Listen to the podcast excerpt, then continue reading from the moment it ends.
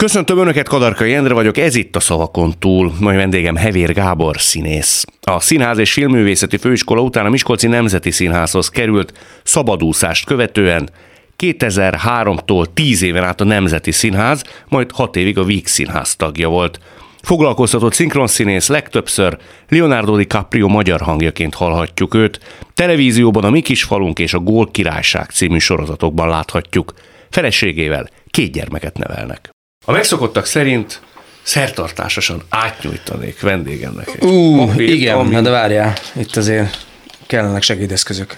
Ja, hogy egy szemüveg? Hát persze. De én azért felolvasom azok oké, kedvéért, oké, oké. akik nem látnak, csak hallanak bennünket, hogy Hevér Gábor mely kifejezések közül válaszolt. Ugye ezek a kifejezések kivétel nélkül Hevér Gábor életének egy meghatározó szereplőjére, korábbi idézetére, történésére vagy nézőpontjára utalnak. Tehát a fogalmak egyirányú út, mit tehetnék érted, bújócska, nem bírnak velem. Aztán mégis az övé vagyok. Látástól vakulásig. Speciális védelem. Még magamnak se. Minden hangszeren. Jó tett helyében jót várj. Lustaság vagy félelem. Forpont. Legendás páros. Rosszul eshetett. Még nekem se sikerült. Választanom kell. Választanod. Ez kemény dolog. Hát figyelj, speciális védelem, az, az nagyon A speciális védelem Igen, igen. aztán a legbohókásabb Na, kifejezés. A speciális védelem az egy szerencse karkötőre utal, amit a feleségettől kaptál. Igen. Én ezt jól tudom? Igen. Ti ebbe hisztek? Hát Kénytelen voltam hinni benne, ha tőle kaptam. De, ö, ö, nem tudom is, ráadásul ez nagyon érdekes, mert ez valami, valami fordított történet volt, és képzeld, el, már nincs rajtam.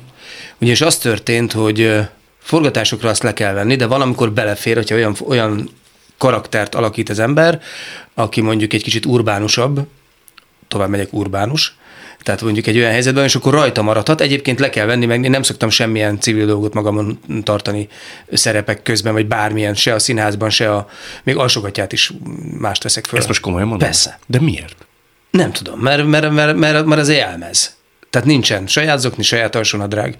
Tehát bemész játszani valamit, bármit, Mhm, igen. Lecseréled az alsó nadrágod? Igen, igen. És, és minden előadás után lefürdök. Akkor is, hogyha egy másodpercet nem izzadtam meg, akkor is. Az valahogy egy ilyen rituálé. Szertartás. Hát igen, de, de nem tudom, vége, vége van a munkának, lefürdünk és megyünk haza. Tehát, hogy ez így És ilyen. valami fajta belső átalakulás is Ja, életben él? nem, nem, nem, nem, nincs ilyen misztérium. Nincs, hogy akkor de- megváltam az túró, oklitól, és nem, akkor- Nem, nem, nem, nem, csak ez valamiért az van, hogy nem, nem abba vagyunk. Ez, szerintem ennek, ennek sincs mítosza, de ez így van. Szóval az a karkötő az állítólag az olyan, hogy valami karmákat hordoz, most szégyellem, hogy nem tudom pontosan, és akkor se gáz, ha leveszed és eltűnik rólad.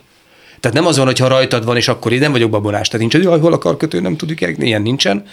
És le kell venni, és szerintem egészen pontosan tudom, hogy hol van, de most már körülbelül szerintem másfél éve ben van a hátizsákomnak az egyik zsebében.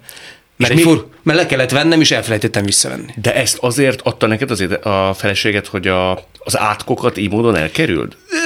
Valami szerencse dolga van, volt benne, de mondom, az is, az is meg volt hagyva, hogy nem baj, hogyha leveszed. De akkor viszont miképp hat? Hát tök szerencsés, hogy itt vagyok nálad.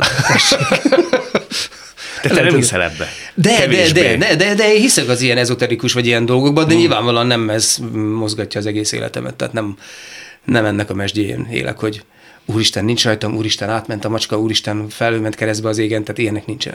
Ez ilyen kis Sőt, tréfás. színházban sincsen. Színházban Nem sincs? szeretem ezeket a színházi babonákat. Lépj rá a példányra, leesett, ha nem tudom milyen dolog. Van két-három dolog, amit nem szoktunk csinálni, hogy nem eszünk a színpadon, de ez szerintem tisztelettudás inkább, mint az, hogy ez babona. Nem fütyülünk, ugye azért van, nem szabad fütyülni, mert elfütyülöd a szerencsédet. Hát ez is babona. Igen, de én ez engem nem érdekel. De miért? Ez mi múlik szerinted? Én nagy színészt is láttam ott köpködni, tudod, van ez Vannak, a... igen, vannak, de ennek nincs semmilyen, meg nincs az, hogy a... egy-két, egy-két dolog van. Tehát az őrült nőket, amit most már 300, nem tudom, hanyatszárra játszunk, mindig ugyanúgy megyek föl a, a színpadra, tehát be hátra az átriumba, körülbelül ekkora öltözőbe, ahol 22-en öltözünk, mint ez a stúdió.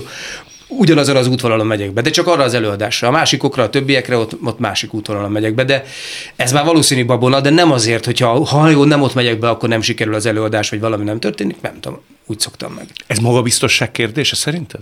Már hogy érted? Hát, hogy az ember azt mondja, hogy én nem szorulok rá ezekre a Ja. külső megszokott rigolyákra. Nem, nem, nem, be vagyok én tojva egy csomó mindentől, Igen? persze. Mitől de- félsz te? Hát de- attól, hogy tudjak olyan szinten teljesíteni aznap például, ami, ami az én elvárásom szerint azért megüti mondjuk a 90%-ot. És az hányszor sikerül mondjuk tízből? Hát azt nem, nem én döntöm el. De azt mondtad, hogy magamnak. Igen, de az, de az a végén majd kiderül, általában remélem, hogy sikerül. Küzdeni kell, tehát kü- küzdünk, mint malac a jégen, hogy, hogy, az, hogy az úgy menjen, mert nem minden nap kell fel az ember olyan diszpozícióban, amikor azt mondja, hogy figyelj, minden happy, minden, és alig várom már, hogy játszassak. Azért nem mindig van. Ez a speciális védelem, meg itt a szerencse karkötő azért egy ilyen bohókás apropó akart lenni a feleségedre vonatkoztatva, mert keveset beszélsz róla, tehát azért, hogy meg kellett, utána kellett nézni, hogy pontosan ő kicsoda, uh-huh. de az köztudomású, hogy Nagykovácsiban éltek, Igen. Két gyereket neveltek, Igen. És most már jó ideje együtt vagytok, ugye? Tizen... 22. 22 éve. Uh-huh. Ez egy ilyen nagy, lángoló, elementáris szerelem volt? Ilyen mindenki tudta, hogy megtalálta a párját? Mm, Szerintem nem. Hát azt, az, azt azért nem, nyilvánvalóan. Hát, mm, nem tudom, hogy, hogy már az a része hogy alakult, hogy, hogy nyilván nagy szerelem volt, meg, meg még most is valamikor nagy szerelem, szerintem az pont az a jó benne. Hogy valamikor nem, meg valamikor igen? Hát ez, az mindenkinél így van, tehát nem az van, hogy 22 éve figyelj, és akkor meglátod és könyvben lábad a szemed, hanem nyilván van egy raklap konfliktus, meg egy, meg egy csomó olyan dolog, amiben belesimulunk a hétköznapi dologba, például, hogy egy családot kell elnavigálni, ami nem mindig a méznyalás része ennek a dolognak. És akkor összejöttünk, ny- nyilván persze, őletes dolog volt, aztán jött egy nagy, nagy korkülönbség van közöttünk, mert Hány 10, év? 12-13, tehát ilyen történet volt. Én akkor ismertem meg őt, amikor ő 19 éves volt. Én meg akkor adjunk hozzá 19-es 3-at, 13-at. 32 éves 31, voltál? 31 vagy 32 éves, 31 volt. Nem féltettek tőled? Féltették Dehogy is nem, dehogy is nem. Utáltak, majdnem mondtam, mint micsodát. A, A szülők? Hát persze, hát ne viccelj, hát ez persze, nem, nem voltam egy kedvelt ember. Ez meddig tartott? Évekig, szerintem. Évekig kellett küzdened a szülők és Olyan a nagyon környezet... küzdeni nem kellett ilyen szempontból, mert ez a Mirinek a döntése volt. Például az, hogy elég gyorsan fölköltözött hozzám Pestre, mert ő nem Pesti, nem Budapesten, Mosomagyaróváron, meg Győr, pontosan akkor Győrben éltek. De te voltál a fővárosi művész úr, aki a fiatal lányra kiveti a hálóját? Tehát ez volt a... Valószínű, igen. Meg hát nem csak az, hogy az voltam, hanem hogy ez egy, ez egy nyilván nem egy normál, nem, ez egy nem egy rendes szakma. De anyám is ezt gondolja, gondolta elég hosszú ideig, lehet, hogy még most is ezt gondolja. Tehát ez, ez valami normális szakmát is kellene választani. És akkor azt tudod, az olyan bizé, meg az, hogy mi van, bohémok, meg nem tudom, micsoda dolog. De hát ugye megtörténhetett volna az is, hogy együtt vagyunk, és egy év után nem vagyunk együtt, mert van ilyen az életben, és akkor azt mondják, hogy na ugye. Most viszont az, hogy 22 éve vagyunk, most én tudom azt mondani, hogy na ugye. És mondogatod? Nem. Így tréfásan? Nem, nem. nem. nem. És volt egy pillanat, amikor úgy érezted, hogy megtörtént a, az átmenet? Áttört ez a bizonyos gát? Igen, igen. Hát nyilván akkor, amikor látták, hogy biztonságban van. Az Én nagy pillanat volt? Nem volt megfogható pillanat, hanem úgy, úgy jött karácsonyoknál például, amikor följöttek, és akkor azt látták, hogy ja, hogy mi egy, mi egy házban lakunk. Ja, oké. Okay. Tehát, hogy nem. De téged menet közben ez nem frusztrált? Csak úgy belegondolok abba, hogy évekig a szeretett nő környezete nem nagyon akar rólam Nem tudomást találkoztunk venni. olyan sokat, hogy frusztrálhatott volna, mert ugye két különböző városban éltünk, úgyhogy annyira nem. Nyilván zavart egy kicsit, de elfogadtam. No már szent a béke. A De környezet... mindig is az, a béke ilyen szempontból szent volt. Nem azt mondta, hogy acsa, így néztek rám, hanem hogy lehetett érezni azt a dolgot, hogy azért ez nincs rendben. A Zeneakadémián találkoztunk egy előadásban. Ő táncolt, én meg szerepeltem. Tehát ugye ilyen szempontból ő is benne volt, hogy a Győri Balatnek az iskolájába táncolt nagyon sokáig. Tehát azért ezt a világot azért ismerte, meg a szülők is ismerték ezt a világot, hogy például itt este 11-kor ér véget a, a műszak meg ezek a dolgok. Tehát a, akik, akik a barátai és a voltak, nem, nem hallottam ilyen hangokat, hogy na mit keresel ezzel? Ráadásul akkor nem is voltam öreg ember, akkor itt tök jó. Most se vagy. Igen. De ez fontos egyébként, ez örök téma művészemberek esetén, hogy úgy választ te társat, hogy azért ezt a világot, ezeket a kódokat, ezeket a dinamikákat, ezeket a intervallumokat pontosan tudja, vagy pont, hogy egy civil ember kell, aki Ez a hátteret biztosítja. Az nyilván ilyenkor nagy segítség is is, de szerintem már olyan sokan kérdezték tőlünk, hogy hogy tudunk együtt lenni ennyi évünk keresztül, és hogy mi a titka. És olyanok is kérdeznek bennünket, akik bajban vannak, tehát már nyithatnék egy ilyen tanácsadó szolgálatot. Dr. Láv. Igen, igen, Dr. Love. Dr. Forever Love. és, és, Majdnem mondtam, hogy másikat, mert ilyen, olyan cég van is. Igen. Na szóval, hogy... Sejteni vélet. Igen, igen, igen. De hogy... Miről hazudtam? Elfelejtettem. De tudom, igen. Tehát, hogy, hogy valaki azt mondja, hogy ez tök jó, hogy ez van, valaki azt mondja, hogy nem. De én szerintem az történik ebben a, a hosszú együttlétben, az nyilván szerintem a mi kapcsolatunkban segített, hogy ő ismerte ezt a világot. Egy. Ő így kapott engem. Tehát nem az történt, hogy ez közben kialakult, hogy én este tízkor járok haza, vagy az történik, hogy hajnal négykor elmegyek. Vagy az történik, hogy nem vagyok otthon három napig, nem is látnak, mert tényleg úgy van a forgatása, az előadás, stb. stb. Tehát ez a része, ez, ez, ez, egy, kész, ez egy készen kapott történet volt, plusz a világ ismert volt számára. Egyébként egy idő után nyilván, amikor megszülettek a gyerekeink, a gyerekeink számára is, tehát nem az történt, hogy most hirtelen csütörtökön hol ment apa, mert apa minden hétfőn, kedden, szerdán és csütörtökön is mindig elment este. Ez szerintem segített az elfogadásban. Tehát ebből sose volt konfliktus, hogy jaj, mert megint elmész játszani, hát hiszen dolgozom. A másik részről pedig az, hogy ő ezt, ezt a szakmát, ezt egy idő után, amikor megszülettek a gyerekek, össze abba hagyta, és egy másik vonalon helyezkedett, el, ami mondjuk rokon ebből a dologból, a mozgásművészetben és a body and mind fejlesztésében lett ő egy Test és tudat. Test és tudat, igen, bocsánat. Ő egy elit body art oktató és pilates tréner, és, és most abban, abban, abban működik, tehát az a dolog van, tehát hogy azt a részét elengedte, tehát például ilyen szempontból ö, már nem, nem, a, a köz, nem együtt lépünk fel esténként ilyen helyzetekben. Tehát ez a része már nincsen az, hogy mind a ketten ugyanazt csináljuk. És amikor ő megismert téged, akkor te még nem voltál egy országosan ismert színész. Nem. Szerintem nem. Hát volt már egy-két filmem, meg volt egy- egy-két ilyen romantikus vígjáték, sok közülük felejthető, és a, de egyébként, egyébként szerintem annyira nem. Mikor örül neked jobban? A mostani Hevér Gábornak, vagy az akkori, még pályakezdőnek Hívjuk számítónak? föl, nézzük meg, nem tudom. Nem tudom. Hát ez... Figyelj, Változtál ez, szerinted annyit? Csak így akartam tréfásan megkérdezni, mert azért az ember, sok olyan történetbe beleláttam, hogy amikor beszélget az ember mondjuk egy társal, akkor azért megjegyzi nyilván négy szem közt, hogy így vagy úgy, de torzult a másiknak a személyisége, adott esetben Ja. még 10-11-2 éves távlatból is, pláne 22 éves. Szerintem én, én, én nem nagyon torzultam, én ezt a kettőt külön választom. Tehát teljesen külön választom a munkámat, meg a magánéletemet. Ezért is van az, hogy nagyon keveset olvasol róla, vagy róluk, vagy valamilyen dologban, mert azt mindig azt mondtam, hogy aki az igazi Hevér Gáborra kíváncsi, úgy értem az igazira, tehát arra a dologra, az kukkancson be a kerítésünkön, amikor füvet nyílok egy klotgatjába. Tehát, hogy ott, ott van, az, az semmi különleges dolog nincsen benne éppen akkor. Ö, és ez egyébként ezt a részét nem is, nem, is, nem is ezt a részét mutogatom az embereknek, hanem egy valami másik dolgot, ami hol előjön, hol nem. Azt mondod, hogy azért voltak ezek köz felejthető végjátékok. Mondasz is olyat, amire ma már Hát nem akarok megbántani mondani- senkit, mert, mert, mert nem én voltam a készítője, és nem volt ilyen, tehát azért nem akarok meg visszafele 20 évvel ezelőttről beszélünk, vagy 15 évvel ezelőttről beszélünk, tehát, de volt benne, nyilvánvalóan volt benne. Volt benne egy nagyon nagy bukás is például, de, de Már film, film, igen, film, igen, igen. igen. ami közönségfilmnek indult és bukott. Kú, rettenetesen nagyot, igen. igen, igen. De mentségére legyen szó, hogy nem is volt jó. Tehát nem azért bukott meg, mert úgy valahogy nem jöttek össze, nem jártak össze a, a szelek és a vitorlák, hanem azért, mert borzalmasan rossz volt. Már a forgatók, a minden? Nem tudom, a végeredmény borzalmas lett. Ez igen. De azért mondom, hogy nem akarok vele senkit megbántani, mert, mert, mert hogyha ezt a filmet elmondom, abban, abban én egy tudom, jelentős szerepet játszottam, nem én voltam benne a főszereplő, de egy jelentős szerepet játszottam belőle. Most azt mondani, hogy az milyen rossz volt, és az ilyen, volt ilyen. Spondját rá. Ez itt továbbra is a szavakon túl Hevér Gáborral.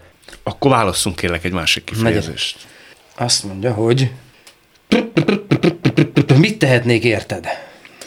A mit tehetnék érted, az Garas Dezső, aki atyai jó barátod, Volt, igen. volt, igen, sajnos már nincs köztünk, egy számodra sokszor idézett gondolatára utal, mi szerint sokat kell dolgoznunk azért, hogy a szerencse ne hagyjon el bennünket. Igen. Nekünk kell tenni azért, hogy a szerencse ne hagyjon el bennünket? Ez nekem most állt össze nagyon érdekes módon, ugye a Dezső sokat beszélgettünk valóban, és a, az utolsó éveiben mi nagyon jóba lettünk egymással. Telefonon is beszéltünk sokat, meg szóval mindenfajta... Pedig ő nem dolgot. volt egy Annyira nem. magához Annyira könnyen nem. közelengedő ember, ugye? Másokat. Nem, de, de szerintem idősebb korára igen.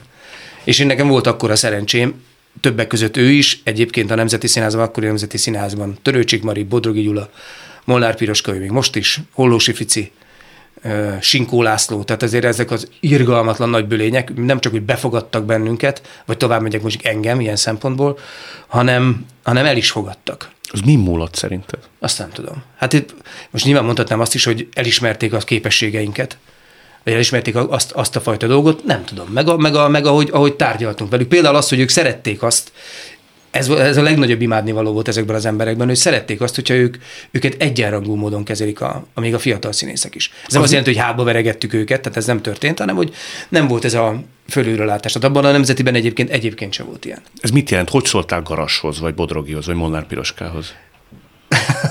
Gyuszi bácsival például megcsináltam többször azt a történetet, hogy beszálltunk a liftbe, föl kellett menni a büfébe, és akkor én egy emelettel halkomelább ki, és voltak bent mások, és akkor kiszálltam, és amikor kiszálltam, akkor azt mondtam neki, hogy azért majd add már meg a pénzemet, és így összecsukódott a lift. és akkor ő is a jót rögött rajta, végig is jót rögött, tehát hogy mentek az rikák, természetesen a mi részünkről a mély, mélységes tisztelettel, tehát ugye nem, nem ugyanazok az rikák és a dolgok mentek, tegező viszonyban is, mert mind, minden. Tehát, hogy az, az... Jó értelembe vett csibészség vagy Igen. szentelenség. Na, de hát a Garas Dezsőnél nagyobb csibész nem hordott a föld hátán.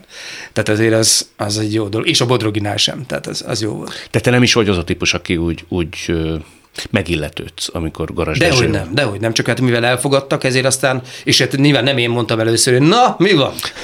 nem, hanem nyilván ők nyitottak felém, és akkor e- ezzel azt mondtam, hogy jó, de jó, hát akkor tudunk így kommunikálni, persze. Szóval ő azt mondta, hogy a, sokat kell dolgozni azért, hogy a szerencse ne hagyjon el bennünk. Ő igazából nekem azt mondta még korábban, de ezt, ezt egyébként a Bodrogi is megerősítettem, a sok minden, hogy ennek ehhez a pályához a Garas elég komoly számarányokat használt, mert ő azt mondta, hogy 90 százalék 10% tehetség és 90% szerencse kell hozzá. Ezzel te egyetértesz? Én ezt már kicsit javítgattam, de mondjuk én az egyik faktorban, amit beletettem, ebbe beletettem az idegrendszert, hogy ez, ez, ez tényleg egy komoly, minden szakmához természetesen kell, de ehhez is kell egy külön olyan idegrendszer, ami elvisel sok-sok mindent ezen a pályán.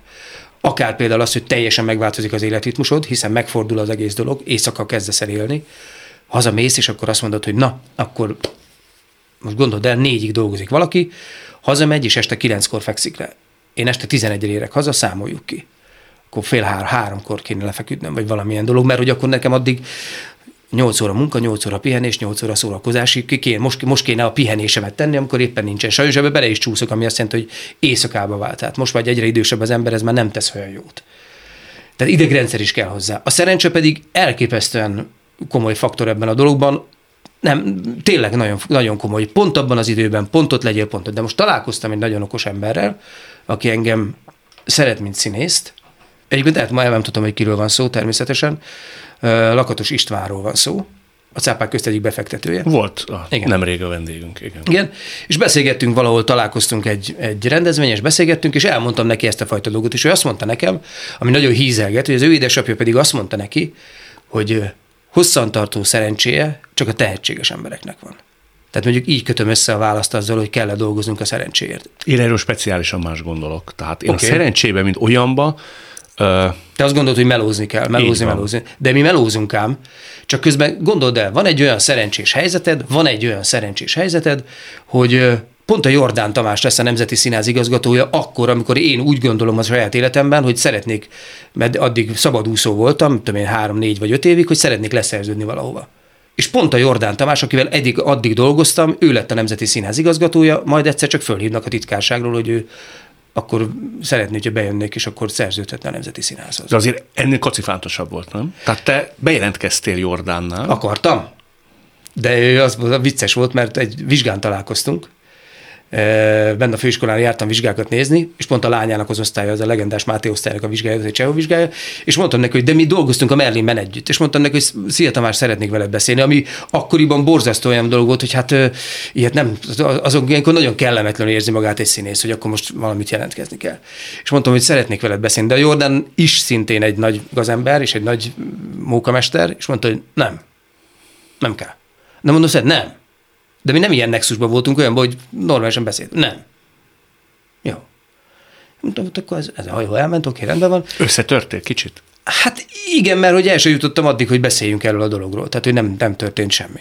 Majd fölhívott a Mohácsi, Mohácsi János, és mondta, hogy fölkérte a Jordán, hogy rendezzen valamit a, a új nemzetiben, és van már egy darab Bíró Lajos Sárga Lilium című darabja, én nem ismertem, és mondta, hogy ö, ő szeretné, hogyha benne lennék, hogy van-e kedvem hozzá, mondom persze, és mi leszek benne? Mondta, nem tudja, valami szakácsot hátul. Én voltam a főszereplője. Aztán később, ugye én voltam a nagy herceg benne, vagy az egyik főszereplője én voltam. De a Mohácsi ezt mondta, és ezzel én meg, és meg is nyugodtam, és oké, okay, Frankó. Majd még beszélgettünk három-négy napot, mert nyilván hívtam Mohácsit, hogy hát tök jó, de ugye a Jordánnal úgy próbáltam beszélni, de ő elhajtott, tehát nem tudom micsoda, és akkor a Mohácsi mondta ennek, hogy hülye vagy, hát le fog szerződtetni a Jordán. Ja, mondtam, hogy. És két nap volt csörgött a telefonom, mert a Tamás azt mondta, hogy olyat csinált, hogy voltak, kitett egy csomó nevet, Ugye ez az ő taktikája, vagy ő története volt, és mivel amennyire én tudom, ezt mondta, hogy nagyon igazságos akart lenni, akkor az volt, hogy neki is voltak jelöltjei, voltak, akik még a korábbi nemzetiből maradtak, ott ezeket összegyúrta, és az a rendező, akivel legalább két, az a színész, akivel legalább két rendező akart dolgozni abban az évadban, azt leszerződtette. Ez nagyon demokratikus eljárás, nem is sok ilyet hallottam még. Igen. És így én benne voltam ebben. Tehát ez független attól, ha jól sejtem. De ez, hogy... szerintem, ez szerintem ilyen szempontból szerencse, mert ha ez nem a Jordán Tamás és nem a Mohácsi János, akkor, akkor ez, ez szerencse. Az, hogy én előtte miket dolgoztam velük, vagy milyen dolog volt, az már a munka része, de ez szerencse. A szerencse a mázli csak esély. De ez az én hitvallásom, nem rólam szól ez a műsor. Én azt gondolom, hogy mindenki számára vannak szerencsés változók, szerencsés lehetőségek, azokat felismerni, azokkal élni, és bátorsággal élni, az már egy képesség. Igen, lehet, igen.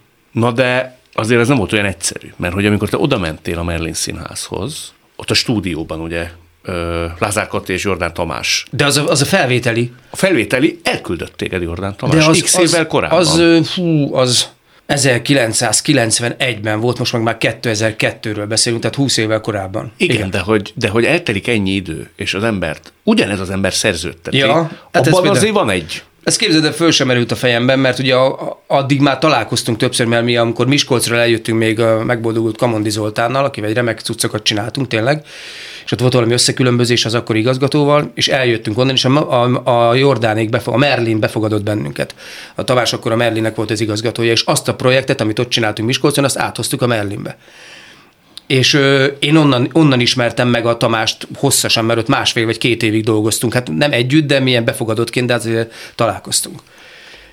És ez nekem például, ez nekem például eszembe se jutott, hogy jaj, akkor nem. Tehát nekem nincsenek ilyen nagy amerikai sztoris történetek, hogy akkora a kisgyereket elutasították, de később már kicsit később azt fölvették. Ez nem állt össze a dolog, mert akkor már más nexusban voltam a Tamásra. Mivel utasították téged, Jordán? Képzeld el, az volt, hogy ugye én felvételiztem a színművészetire is, én oda kétszer fel, nem, háromszor felvétel, három, háromszor felvételiztem, és és egyszer a Merlin, a Merlinbe, vagy csak egyszer lehetett, mert ugye akkor indították el a másik az osztályt.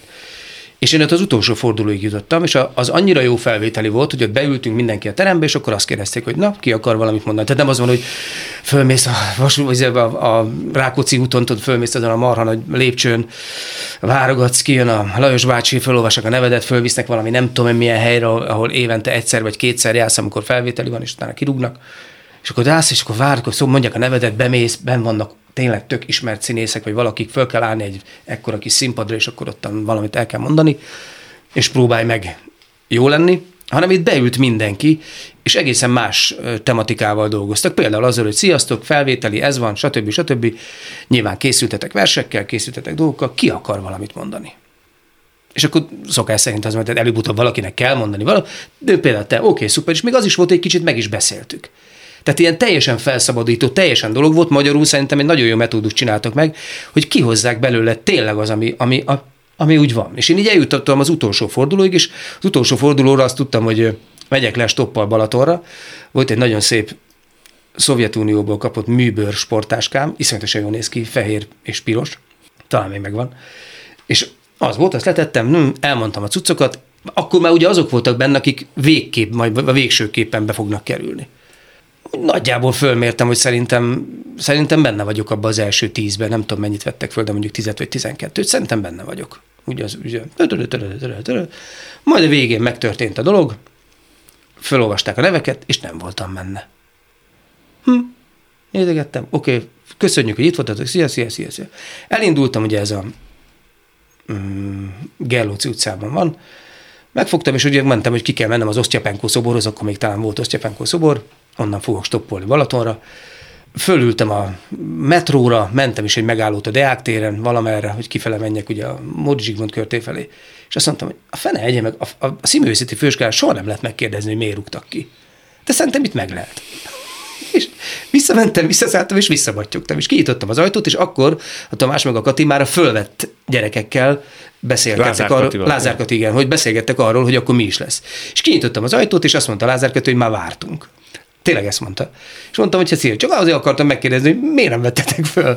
És akkor azt mondták, hogy ők, ők olyan embereket kerestek, akik teljesen formálhatók, mert nekik ez az első Legalábbis ezt mondta a Kati, aztán lehet, hogy azt mondták, hogy nem voltam elég, vagy, de, de ezzel nyugtattak meg, hogy ők olyan embereket keresnek, akik teljes mértékben formálhatók, és a nulláról indulnak, és azt látják, hogy én már valamilyen módon vagyok előre menve, vagy valamilyen történet van. Nagyon markáns karakter vagy. Nem tudom, azért nem így fogalmaztak, nem ennyire, de hogy magyarul nem, nem abba a koncepcióba, ami ők tesznek, és de nem tehetség mián, és azt mondták, hogy ez most nem fér bele, úgyhogy nem. Most mondtam, hogy köszönöm, egyébként meg is nyugodtam.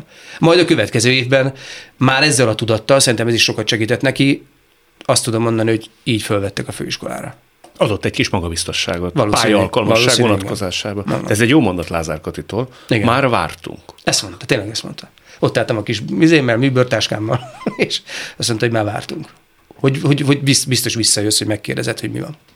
Azt mondtad, hogy szerencse, tehetség és idegrendszer. Uh-huh. Mihez kell az idegrendszer? Hát elviselni a kudarcokat, az szerintem rettenetesen fontos, elviselni a kudarcokat, valamilyen szinten, de ezt biztos már sokan mondták neked, vagy, vagy nem tudom, hogy nagyon érdekes, hogy a kudarcoknak meg a sikereknek a hatásfoka az nem egyenlő mértékű. És ennek a pályának szerintem ez az egyik legnagyobb baja. Melyiké nagyobb? Hát a kudarcé.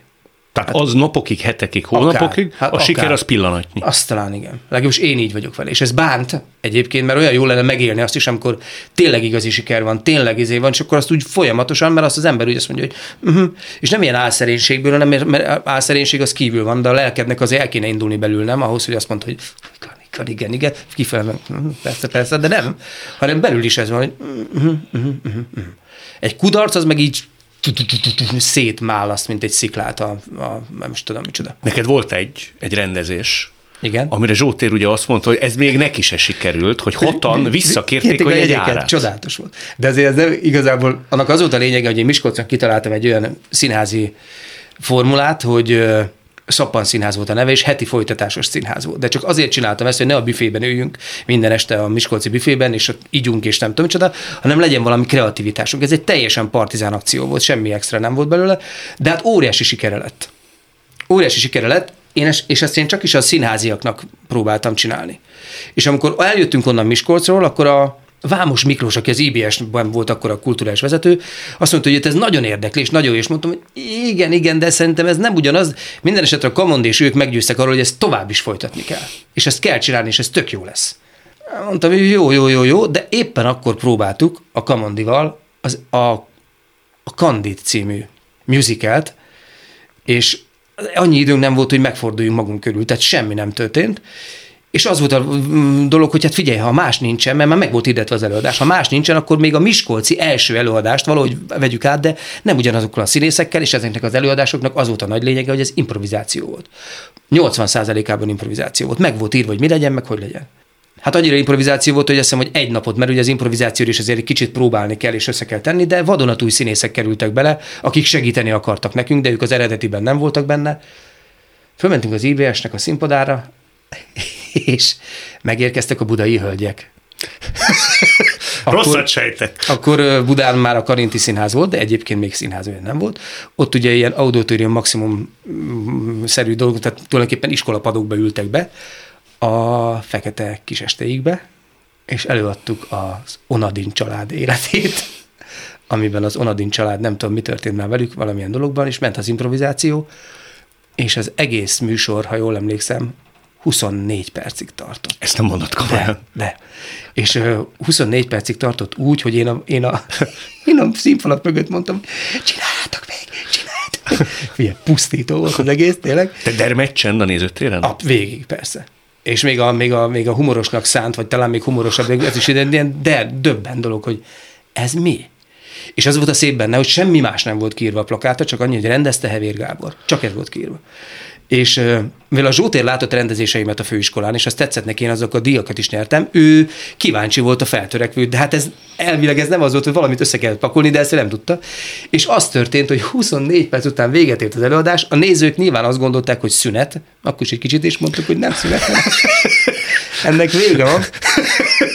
Vége is volt, és hát ugye alig mertünk kijönni onnan hátulról, de a Zsótér megvált, és azt mondta, hogy ez nagyon, nagyon büszke erre, mert ez neki se sikerült még, hogy hatan vissza, nem tudom hányan voltak összesen, de hatan visszakérték a jegyárát. Felháborodottan. És Persze, természetesen. Ja, és az volt a szép belőle, hogy- hogy ez meg volt meghirdetve, hogy ez egy sorozat, és ebből még volt hat vagy hét előadás. Mármint, hogy nem ugyanebből, hanem tovább kellett görgetni.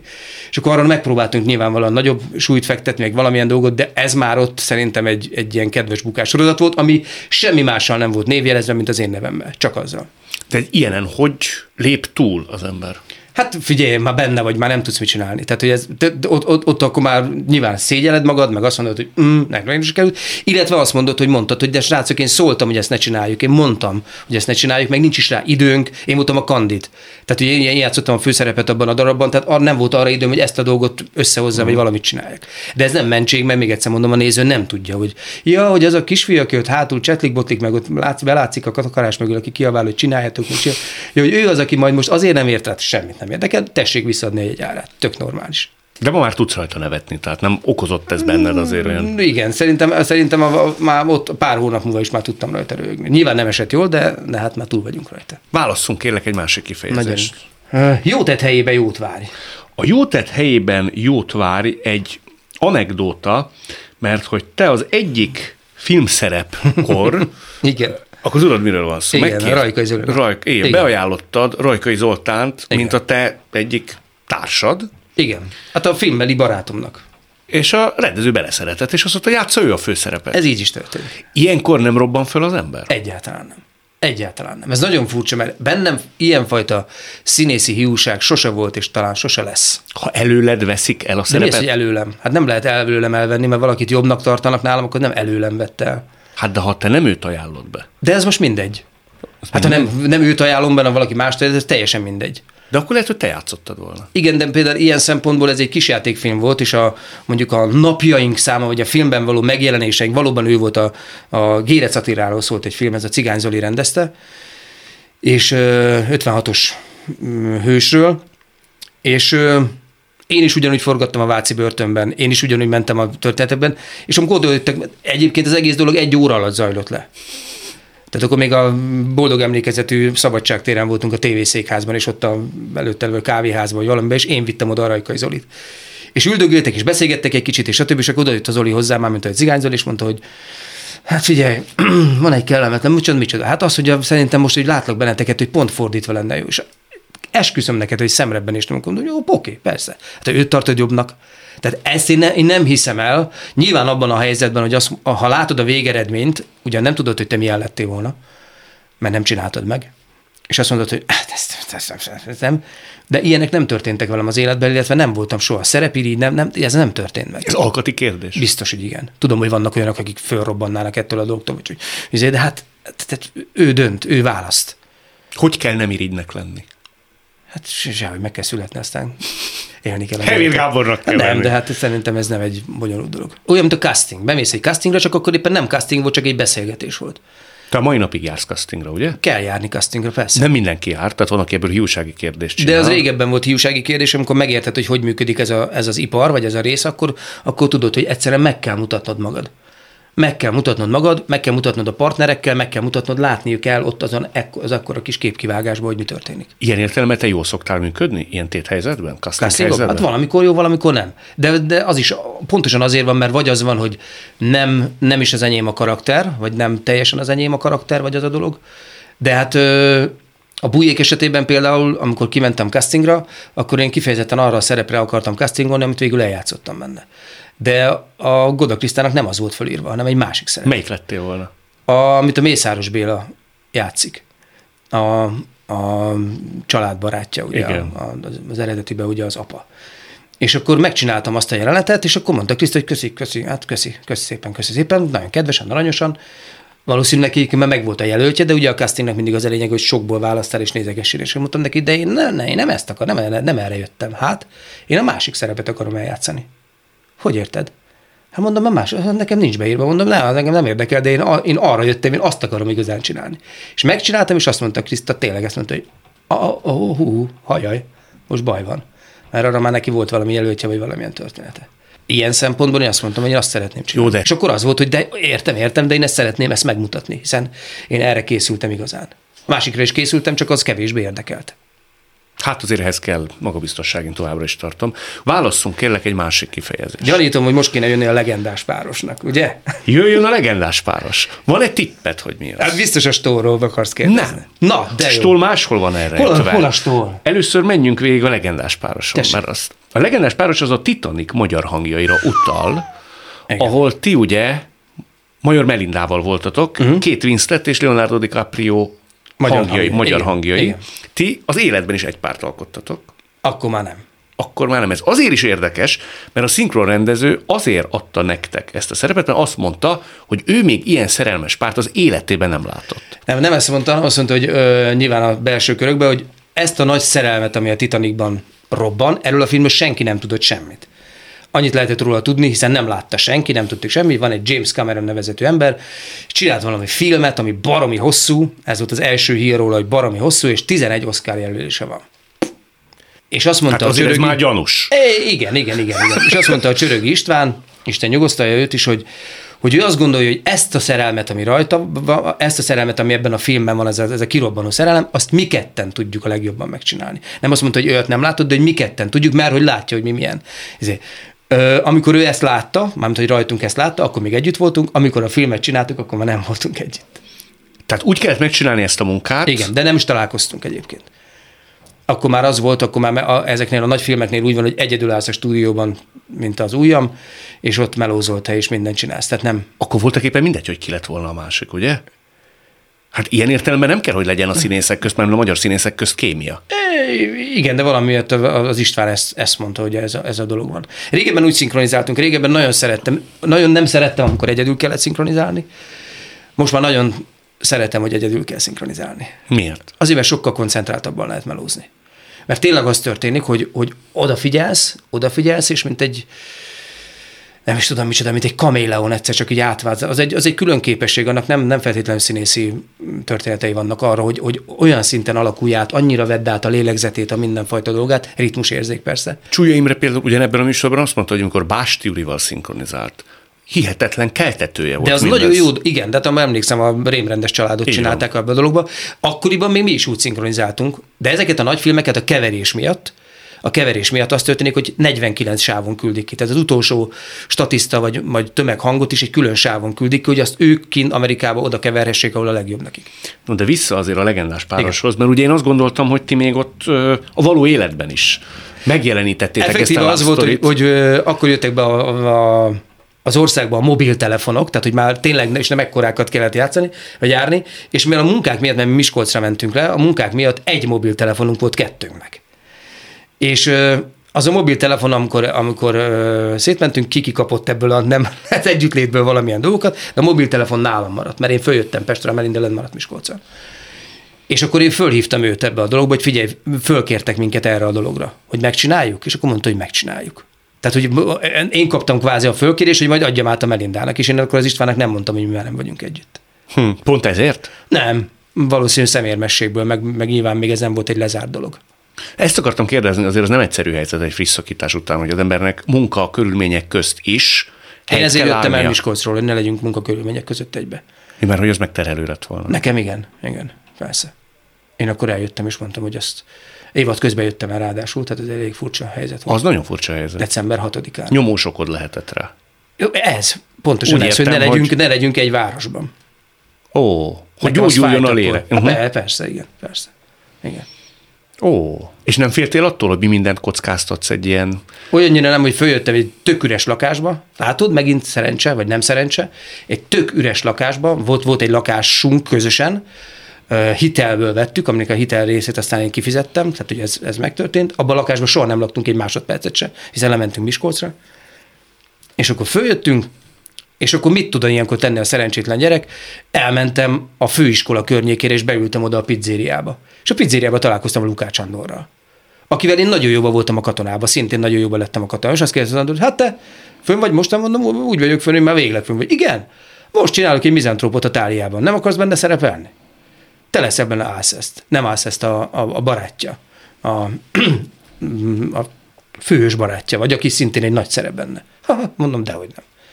Meg se kérdeztem, hogy mennyit fizetnek, vagy mit csinál, sem, nem is érdekel, dolgoztam. Ez történt, belekerültem három főiskolai vizsgába, ott, mert találkoztam azokkal a rendezőkkel, Rétli Attilával, utána Rétli elvitt a Víg Színházba, egy saját darabjába, aztán belekerültem így a Víg Színházban a dzsungelkönyvébe, amiből százat, vagy nem tudom mennyit játszottam el. Tehát ilyen Az egyik lehetőség hozta a másikat. két hétig nem volt munkám. Na hol a stol? A stolt akarod? Persze! Figyelj, amikor itt volt nálad, mondta, hogy hallgassam meg, mert olyan szépeket mondott rólam, ezt mondta. Úgyhogy gyerünk. Vissza kell adni, vissza kell Hát, tudom, hegedülni. persze. Hát az nem egy jó, nem egy kellemes témával indítunk, de behozhatom a stolt, ez a rosszul eshetett. Hol van az? Igen, tessék. Ez a stol? Igen. Igen. Na. Az pedig az őrült nő ketrecének egy index által írt kritikájára utal. Csak úgy gondoltam, hogy ne feltétlenül rögtön itt. András ünneplésével kezdjük, hanem legyen egy, legyen egy kis fricska, bár valamilyen szinten megünnepeljük rögtön az elején. Az index azt írta, hogy ennek az előadásnak, és azt neked rosszul esetett, egyetlen hátránya van, hogy Stól olyan elementárisan jó, hogy elhalványítja és lejátsza a színpadról Hevér Gábort. Erre emlékszem, ekkor még, ekkor még abban a, már majd szerintem ekkor sem nagyon olvastam már kritikákat, de nem azért, mert hogy ezek ne legyenek, hanem pont ilyen, önvédelemből. És akkor mondom a szépet. A buci utána, amikor ez megjelent és valamilyen dolog volt, egyébként az őrültünknek azóta is óriási sikere van. Ugye valaki És nem ugye- tudna egy meleg párt játszotok. Igen, igen, igen. És hát ugye maradjunk abban a helyzetben, hogy mondjuk a külső szemlének, akár az Index kritikusának is, aki nyilván egy kiváló szakértő, nem, de szóval, hogy nem tudom ki volt az, hogy ugye egy meg- meglehetős handicappel indulunk mi, azok a melegek, akik férfi ruhában vagyunk, és úgy nézünk ki, mint a férfiak. Ezt írta? Nem, nem, nem, nem, ezt én mondom. Mondjuk egy, egy történetben. Tehát például, amikor a zsákobok bejönnek egy rózsaszín kis akármivel, akiket férfiak játszák, akkor a né, tehát így van a nézőtér, itt állunk középen, de még akár még a buci is benne lehet másikba, és ezt látod a nézőtéren így. Az csak egy nézés. Ott se, és ő csak áll ebbe a történetbe, tehát ezekkel még pluszban meg kell küzdeni. És nem tudom, hogy az, elő, az előadás nyilván első történetei voltak, hogy hogy álltunk akkor ebben az előadásban, vagy milyen volt az én játékom abban az előadásban. Kvázi nem rosszat írtak róla, hanem azt, azt írták ebbe a dologba, hogy hát olyan elementális, hogy hát nincsen. És a Bandi a következő előadáson A kritikához képest a következő előadáson? igen, igen, igen, igen, mert ezt szerintem ő olvasta, hogy valamilyen dolog volt, és a Bandi a következő előadáson abból, amit csinál, ami egyébként nyilván szándékoltan sok, hiszen ez kar- karakter ilyen, abból egy olyan 80 ot visszavett. És amikor oda mentem hozzá, és azt mondtam, hogy Bandi, ilyet nem szabad csinálni. Ne hülyéskedj már. A színészi erejéből Nem, tekert minden, le? nem, a, a gesztusokból, a minden dologból, hiszen pont az a lényeg, hogy itt egy olyan figurát kapsz, egy olyan, aki egyébként az életben is egy túlzó. Tehát nem, az a, nem, nem attól Ő lesz... transvestita, ugye? Igen, hát transvestita férfi természetesen, Igen. és azt kell csinálnia, hogy így és mi, minden gesztusa nyilvánvalóan azért is, mert ez szereti. Van is egy olyan mondat, hogy ö, figyelj, az, az, a, az a bajom veled, mondom neki, hogy az a bajom, hogy te szokásaid olyan szokatlanok. Hogy érted? Tehát vannak olyan mozdulataid, én nagyon szeretek, de más esetleg, és ezt mondtam, hogy vannak olyan mozdulataid, amiket én nagyon szeretek, de más esetleg félreértheti őket. És azt mondja, hogy igen. Kik? Hát mondom, akik nincsenek hozzászokva. És neked nincsenek ilyen mozdulataid? Mondom, nekem nincsen. Igen, más esetleg szereti őket, és leutálod. Mondom, ne, ne, ne, ne. Az én mozdulataim azok finomak. Azokat tekintetjük mondjuk ízléses affektálásnak, tehát a tieid, már ne is haragudj, de ennyi szó vagy gyanúsak. Erre azt mondja, gyanúsak? És csináld ilyen. Na mondom, erről beszélek. Tehát ő a feminimebb, Hát abszolút, hát nem Igen. a femini, meg úgy is Ő vagyunk. úgy tehát is, én, igen. igen. tehát ez a leosztás az, hogy én Igen. férfi ruhában vagyok, nincsen, Igen. nincs semmi smink rajta, nincsen. Ő meg egy nő, tehát teljesen egy női maszkba és egy női dologban van. És ezek a, ezek a gesztus, de ezek kötelezők hozzá ebben a dologban, hogy, hogy akkor ez ilyen legyen. És ezt ő teljesen visszavette. És nem is, nem is az előadás után, hanem szerintem az első felvonás után mentem oda hozzá, és mondtam, hogy Bandi, bizt, ezt meg ne csináld. Tehát ő hihetetlen kedves akart velem lenni abban a dologban, hogy, mert az úgy, ne, az úgy nem jó, az úgy nem jó. És mondtam, hogy eszedbe ne jusson. Tehát mondtam róla Dénis szépet, tessék. De most tényleg egyébként tényleg ez volt. És látod, ez is olyan dolog, hogy aha, az akkor rosszul esett, hát ott tartunk, hogy 360, nem tudom, hanyadik szára játszuk el az őlítnöket, azt, hogy Stól ilyen példásan járt el. De ez ig- igazából ez például, ez például egy nagyon szakmailag egyébként, ilyen szempontból szakmailag pont az volt, hogy nem szabad ilyet csinálni. Hát ne hülyeskedj, csináld a dolgot, de, de akkor megyünk Emberileg, például. igen. Ember, ja, abszolút, Emberileg igen. volt nagyon korrekt. Igen. De hogy te hogy reagáltál mindenre? Mert azért ez olyan mondat, Nekem könyvbe lábadt a szemem akkor. de astól láttál? Ne, amit csinált, igen. Amit és, csinált? és oda mentem hozzá, és mondtam, hogy ezt ne csináld. Ezt ne csináld. És egyébként azóta tök, szerintem egyébként tök pariba is vagyunk minden szempontból, és az is lehet, hogy pont akkor, amikor meg volt a bemutató, akkor ő mondjuk már itt tartott, én meg mondjuk mi itt tartottam, ez benne van. Én azt gondolom, hogy most itt tartunk bőségesen, és már nem a bemutató óta eltett nyolc év óta, hanem mondjuk már elég régóta. Valaki azt mondta az első vagy második előadás után, hogy ő életében még ennyire jó, ennyire zseniális Untermant, mint én, még nem látott. Hmm. És azt mondtam, hogy ö, és közben ez egy ilyen szerep. Ez pont az a szerep, ami futtatja föl a másikat, természetesen maga is megvan. Megvannak a maga jelenetei a fiával való történetben, de a kettőjük között egyébként az életben is az történik már, mint a darab szempontjából, hogy így néz a szerelmére. Azért kerülnek válságba, amikor egy nagy hazugsággal kell szembenézni. Igen, el akarják titkolni mindezt a, Hát a őt, gyerekük. Igen. Hát őt, őt Igen, akarják a gyerek eltitkolni a miatt. gyerekkel, mert jön egy, Igen. mondjuk egy, Szenátor. Egy, egy, igen, egy képviselő, aki nem pont ezeket a nézeteket vallja. Ez itt továbbra is a szavakon túl Hevér Gáborral. Az őrült nők ketrece kapcsán jutott eszembe többek közt, hogy kíváncsi vagyok a te véleményedre, hogy te alföldi színésznek tartod magad? Igen, mert szegedi vagyok, és a, Most Robertre gondoltam. gondoltam. Nyilván, hogyha megnézném a milyen CV-met, vagy valamilyen dolgomat, akkor ő, ő, ő a legtöbbet rendező rendezőm lenne, aki engem rendezett, gondolom én. De Stól azt mondta, hogy ha van alföldi színész, akkor László Zsolt, te és ő az. De szerintem azért van így, mert, mert valami miatt ez úgy alakult, még a nemzeti előtt is, mert én, én azt nem tudom, hogy a Bandi dolgozott-e vele a nemzeti előtt, de a Zsolt az biztos, hogy igen. Én is dolgoztam a nemzeti előtt, mi, mi, mi mindig megtaláltuk a hangot jól, mi mindig, mindig jól tudtunk dolgozni. És ez nem azt jelenti, hogy nem volt konfliktus, de egyébként, ha belegondolok, olyan rettenetesen nagy konfliktusaink nem voltak. Ez azért érdekes, mert most megnéztem a, az Alföldi öt évéről szóló Csáki Judit Igen. könyvet, ahol azt mondja Alföldi, hogy azért lehet, hogy benned lehetett rossz érzés. László Zsolttal és Tollal kapcsolatban. Nevezetesen, hogy ők egy picit több szerepet kaphattak. Nála. Az nála, Alföldinél. nála, úgy értem, persze, Alföldinél. Mohácsinál meg én kaptam. Így van, így van. Hát az, de hát ez, ez, pont ez a lényege, nem, bennem nem volt semmilyen rossz érzés. Nem volt? Dehogy volt, nem. Nem, hát ráadásul ugye az történt, hogy ezt a, a Robi nagyjából ezt deklarálta is, hogy a két főszereplő férfi az ő színházában, a László Zsolt és a Stól András. Ezt így ő elmondta? Hát mondta, hogy az ő, az ő Rendezéseiben. rendezéseiben vagy a történeteiben, uh-huh. alapvetően inkább ezt mondom. Alapvetően. És az így van, de hát ez láttad, de nem, nem probléma, érted? Jött a, jött a Mohácsi, vagy jött egy másik ember, vagy jött, ott meg más játszotta a főszerepeket. Tehát, hogy ez, vagy a, vagy a nagyobb, vagy a jó szerepeket ilyen szempontból. Ez ugyanúgy nem volt, hogy na hát akkor már. Nem volt ilyen. Sőt. Sőt, én játszottam, játszottam olyan kis szerepet a Robinál, amit én nagyon szerettem, a Mephisto-ba, a, a hát elfelejtettem, hogy hívják a híres, híres kritikust, aki a tolószékes ember volt például, imádtam, nagyon szerettem. Törőcsik Mari oda jött gratulálni ahhoz a szerephez például. Csak ilyen szempontból, ami egy, azt hiszem, hogy három megjelenés volt körülbelül a darabban. Arra a kérdésre, hogy szakmailag melyik korszakodra vagy büszke, Vannak korszakai? az, a, az alföldi féle nemzetit mondtad, és az átriumot. Igen. A véget nem említetted. A Vix Színházban is csináltunk jó előadásokat, de a Vix Színházból nem jó szájízzel jöttem el. A Nemzetiből azért jöttem el, mert el kellett jönni. Egyébként nyilvánvalóan az Alföldén az egész nemzetit egy nagyon jó dolognak tartottam. Az, az, az egész kialakulás, ahogy egyébként az a társulat formálta azzá a nemzetit, amivel a nemzeti vált.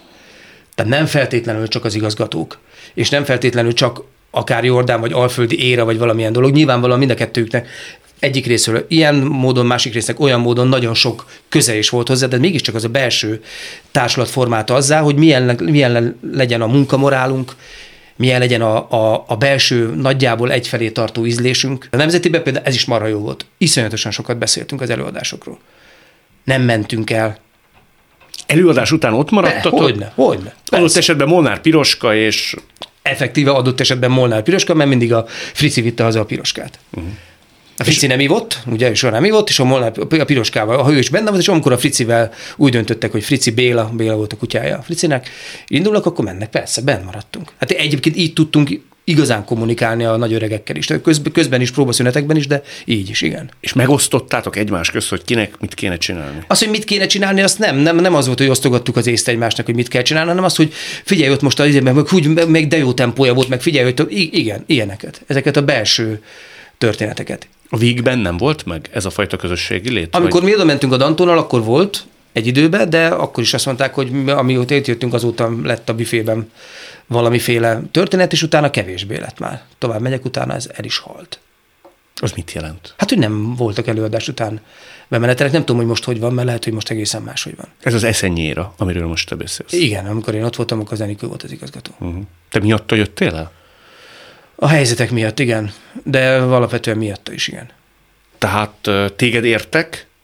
Méltatlan Nem, nem, helyzetek, nem, nem, vagy nem. inkább a környezet volt Nem, olyan, ami már nem, a számodra... környezet volt olyan, meg egy, meg egy, meg egy, egy előadásban levő dolog, és ott ö, olyan dolog történt meg velem, ami azt, ami azt indukálta bennem, hogy el kell jönni. Elmeséled, mi volt az? Semmi, egész egyszerűen az, hogy, hogy voltak problémáim, és akkor azt nem akartam elérni, hogy, hogy, hogy az megtörténhessen velem bármikor, hogy azt mondom, hogy ah, mindegy. Tehát, hogy nem megyek már szembe a problémával, hanem azt mondom, hogy ah, mindegy, nem érdekes.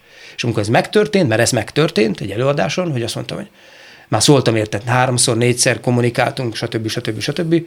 És nem ment, és amikor azt mondtam, hogy ne, nem ezt a szót használtam, hogy á, mindegy, hanem azt használtam, leszarom. És amikor ez megtörtént, akkor effektíve az történt velem, nem szoktam ilyen misztikusan meg, hogy megjelent itt, mint az amerikai rossz filmekben a Hevér Gábor kisördög, és azt mondta, hallottad, mit mondtál? Hallottad, mit mondtál? És azt mondtam, és valóban ezt mondtam magamnak, hogy ha ezt is kimondom, akkor onnan azonnal el kell jönni. És fel is mondtál. Igen. Igen. Hát rá egy hétre vagy két. Ez hogy történt a gyakorlatban? Bekopogsz, és azt mondod, hogy Jön, szervusz. szerződés, izé, stb. stb. nem szeret, nem tudom, nem volt egy ilyen drámai történet. Nem is lepődött meg a vezetés. Szerintem nem. Nem is marasztaltak. Nem. Vártad volna? Hogy marasztaljanak? Nem. Akkor már szerintem olyan volt a helyzet. De legalábbis úgy emlékszem, hogy nem marasztaltak, de szerintem nem. Tudtad, hova mész? Dehogy is, nem. A nemzetéből se tudtam, hogy hova megyek. És Miskolcra se tudtam, hogy hova megyek. Nem. Akkor mibe bízolt te ilyenkor? A szerencsébe? Nem, a szerencsébe ab- abból, hogy még vagyok annyira kurrens ezen a piacon, hogy, hogy, hogy majd csak lesz valahogy. Hát de Miskolcon még nem voltál annyira kurens. De hát ak- majd, majd nem, valami lesz. Valami mindig lesz? Hát tudod, olyan nincs, hogy ne legyen semmi, bár egyszer állítólag Székesfehérváron a 73-ban nem volt semmi, de akkor az már azóta elmúlt. Most úgy nagyjából egészében annyit dolgozol, amennyit szeretnél? Ö, ig- igen, igen, de már, de már azért mocorog a azért, mert mi jön mindjárt a tavasz, és elkezdődnek a forgatások, úgyhogy ez, ez, ez egész dolog, ez nagyon be fog sűrűsödni. Én most, hogy, hogy jól számolom, én olyan 15-öket, tehát minden második nap játszom. Az elég? Egy hónapban, bőven. Bőven most már. Volt olyan, amikor 29-et, 30-et játszottunk egy hónapban. Hát akkor azt kívánom, hogy legyen annyi, hogy az neked jó legyen, tudj visszacsavarni ebből, mert ugye ezt szeretnéd nagyon, és akkor ha minden kötés szakad ezt a Forever Love szolgáltatást talált ki, mert a ti példátok hát, ha sokaknak lehet tanulságos. Örülök, hogy itt voltál. Nagyon köszönöm, köszönöm a beszélgetést. Ez volt a mai szavakon túl Hevér Gáborral. A műsort nem csak hallgathatják, de végig is nézhetik. Iménti beszélgetésünk hamarosan már látható lesz YouTube csatornámon is. A mai adás létrejöttében köszönöm Árva Brigitta, Lantos Dániel és Rózsegyi Gábor segítségét. Találkozzunk jövő szombaton és vasárnap itt, a Klubrádióban. Viszont hallásra!